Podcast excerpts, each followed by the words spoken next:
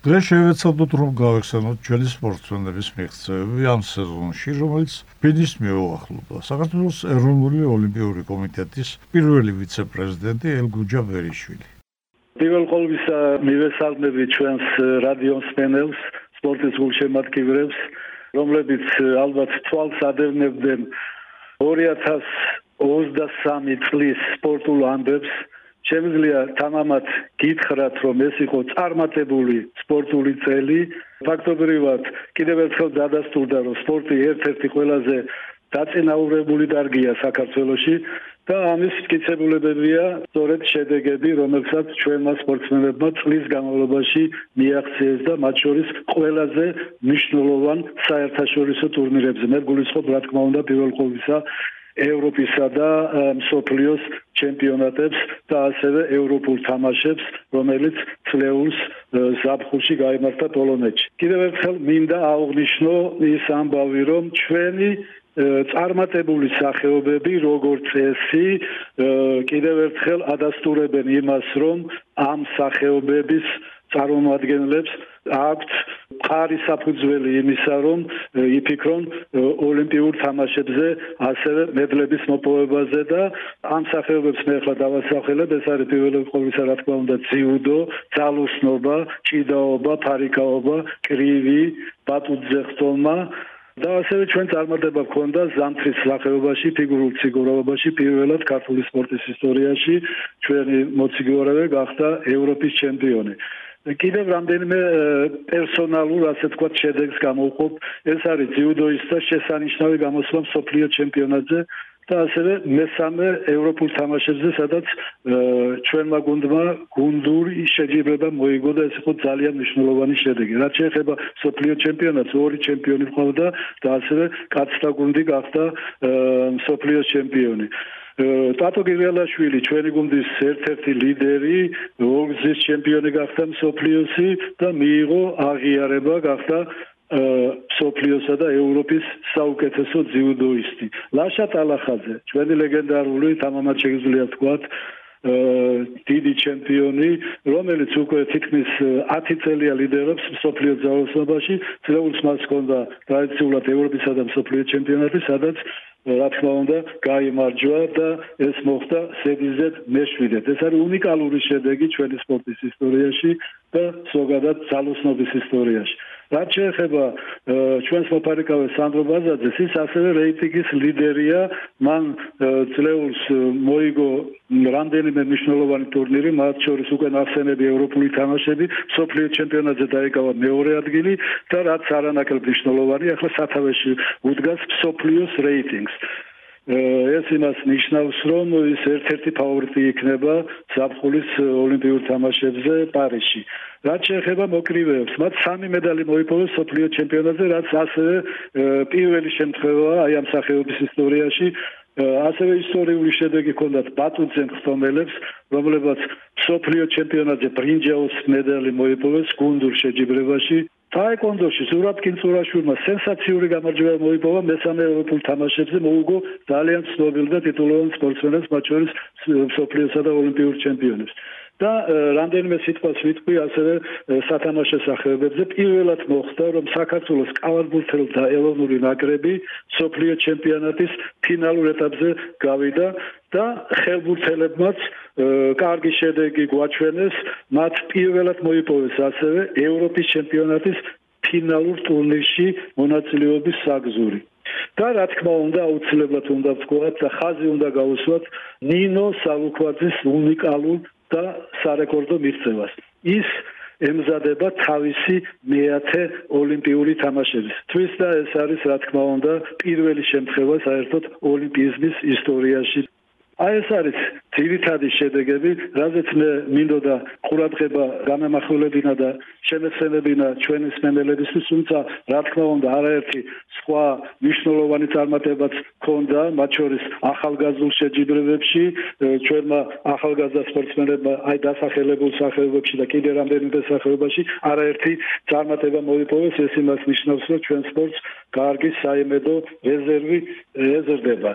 და აი ამ ყველაფერზე რაც თქვენ მოგიხევით და კი კიდე სხვა წარმატებულ სპორტსმენებზე, მწვრთნელებზე, ასევე სპორტის მენეჯერებზე გვექნება საუბარი სწორედ სესიაზე, რომელიც გამართება ტრადიციულად დეკემბერში, ამ შემთხვევაში 22 დეკემბერს და იქ შეჯამდება წლის შედეგები და ბუნებრივია ასევე შედგება წლის ლაურეატთა დაჯილდოების ცერემონია. და ბოლოს მინდა ორი სიტყვა თქვა პარიზის ოლიმპიურ თამაშებზე. ჩვენ ამ წუთას გვაქვს 4 დადასტურებული და 16 შეიძლება ითქვას გარანტირებული ლიცენზია თუმცა რა თქმა უნდა ძალიან მნიშვნელოვანი ტურნირები გველოდება გაიცა სალიცენზიო სადაც ჩვენ ველოდებით დაახლოებით 30 35 ლიცენზია საბოლოო ჯამში და რაც სავარია წინ გველოდება 4 წლეულის ყველაზე მნიშვნელოვანი შეჯიბრება პარიზის ოლიმპიური თამაშები რომელიც 26 ივლისს დაიწყება და 16 დღის განმავლობაში გაგრძელდება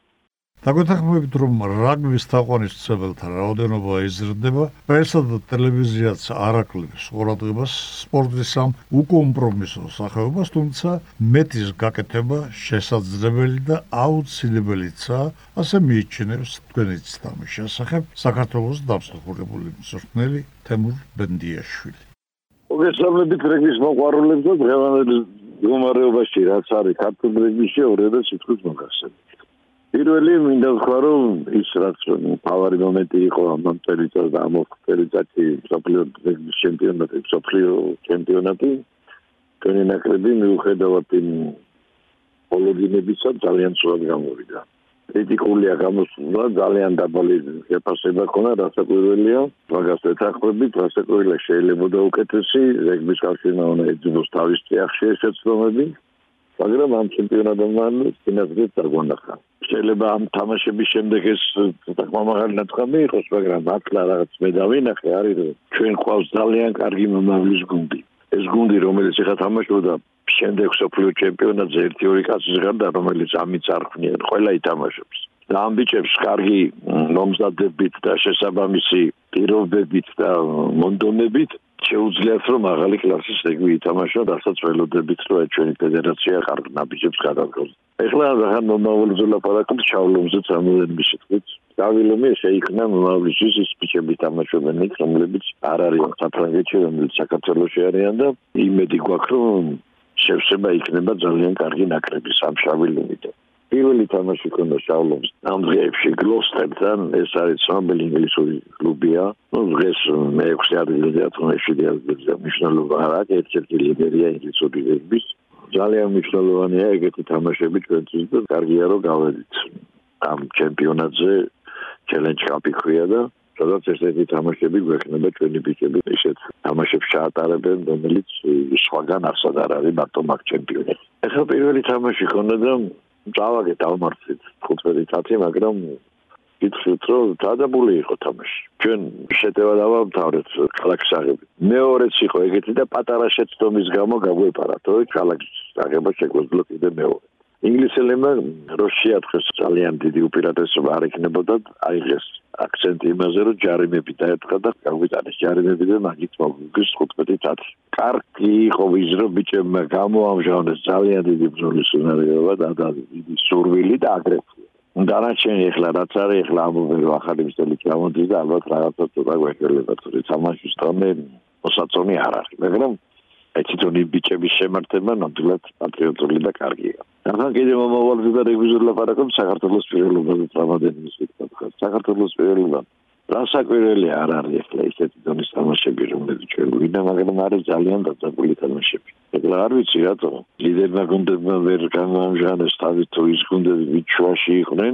ახლა არის ისეთი გუნდები სტეფან წმინდა ხვამლი, რომლებიც საშარ მეშვიდე მეექვსე ადგილებზე იყვნენ და წელს ლიდერებს ისეთი ბრძოლა გაუმართეს და ის ერთი ორი მოუგეს კიდევაც რომ მე მაგალითად გამიკვირდა და ძალიან კარგი და სასიხარულოა რომ ესეთი ერთი და ორი გუნდი არ არის და რამდენი გუნდია სადაც შეიძლება გამოამზრანოს პიროვნებას თავის თავი და ეხლა კიდე სულ აპარატი იყო რაღაც ვაგონი 10 გუნდი 10 12 გუნდი შეიძლება ისეთი კარგი იყოს რომ ჩატარდეს ნორმალური კარგი და დაძაბული ჩემპიონი მოთამაშეები ახლა რო თქვა რომ ვინმე გამოირჩევა, ჯერ მხოლოდ მაინც ძველი მოთამაშეები გამოირჩევიან. მიუხედავად იმისა, რომ არიან ძალიან კარგი ახალგაზრდები. ყველა გუნდში და აი შავლობში განსაკუთრებით ახლა ჯერ არ მინეგვარები თქვა, მაგრამ ყველა ვატყობთ ახლა მაგას იქ არის 6 ნომერი, 8, 7 ძალიან კარგი ბიჭები არიან. ახალი ცხრები გამოჩნდნენ კარგი ბიჭები და მე მგონი რომ უკეთესობისკენ მიდის საქმე გააზრებული ორგანიზაციით უფრო კარგი მოხდება ყველაფერი.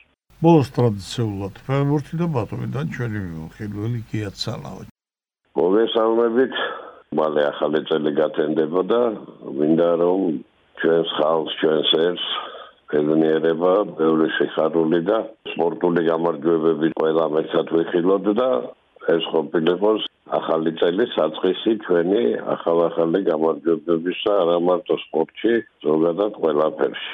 ჩვენს ქალაქში კლუბის ასისტის იუბილესთან დაკავშირებით ვიზეიბეთ ჩემპიონობაც, რაც ძალიან გვახარებს ბათუმელებს და ბათუმელ უთემატიურებს და გავედით ჩემპიონთა ლიგის საკვალიფიკაციოზე. რამდენადაც ჩემთვის ცნობილია იმისთვის რომ გაძლიერდეს გუნდი, დატოვებს რამოდენიმე თითქმის 10 ფეხბურთელია და ალბათ სავარაუდოდ 10 ფეხბურთელი მოვა ახალი ფეხბურთელი გუნდში და ну გუნდი რომ აუცილებლად უნდა გაძლიერდეს და კონკურენტურანი არის უნდა იყოს და ერთხელ მაინც რომ ვიზეიმოდ ჯგუფში მოხვედრა ანუ ამისთვის მე ვიცი რომ კლუბის ხელმძღვანელობა დაინტერესებულია და ეს ძალიან უნდა ასევე გვინდა ჩვენ გულშემატკივრებსაც მინდა ვისურვო რომ ბათუმის დინამო თბილისის დინამო და ქუთაისის ტორპედო რომლებიც მონაწილეობას მიიღებენ ევროტურნირებზე წარმატებული იყვნენ და აჩვენეს ესეთი თამაში და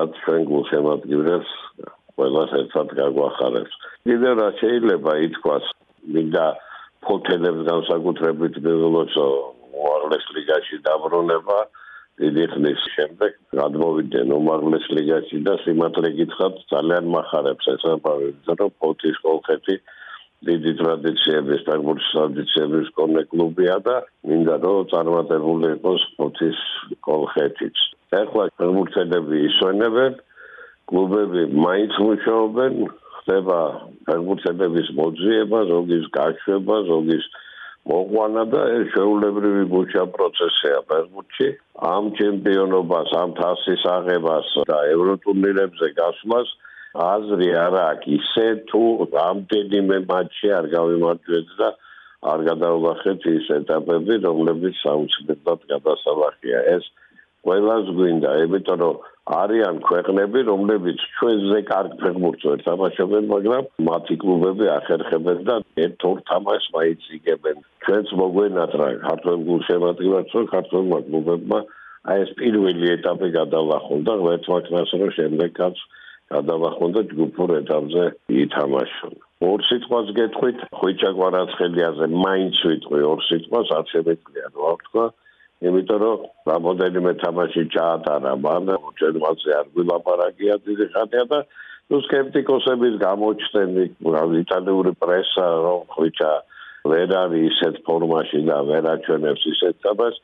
წავიგითხეთ თითქოს 3-4 ფეხბურთელი ვის მხარეს განა და მას არ ეძლევა საშუალება რომ თავი გამოიჩინოს თუ 3-4 ფეხბურთელი დგას ერთი ფეხბურთელის არ გასაშვებად შეტევაში და კლუბი ამას ვერ იყენებს, აქ რა თქმა უნდა, სტრენის და კლუბის და ფეხბურთელების პრობლემა ერთად დგას. ეს ჩემი აზრია, ასეთი მე არა ვარ არც საფეხბურთო ექსპერტი, მაგრამ პატარა ფეხბურთი მითამაშია და ვიცი ახლა მე რასაც ლაპარაკობ და ვინც იცის ფეხბურთი და ოდნავ მაინც ესმის ისინი გამეგებენ. ყოველ შემთხვევაში მე მგერა რომ ხუჭარო დიდ ფეხბურთს კიდევ და კიდევ ვითამაშებს და ვისურვებ რომ არა მარტო ხუჭა ყველა ქართველი ფეხბურთელი ყველა რეგიონელი არა რეგიონელი წარმატებული იყოს და ბევრი სიხარული მოუტანოს ქართველ გულშემატკივრებს. ერთხელ კიდევ თამდეგს გიგოცავთ დიდი მადლობა რომ აძლევდით თელი წელი საშუალებას ჩემი აზრი გამომეთქვა და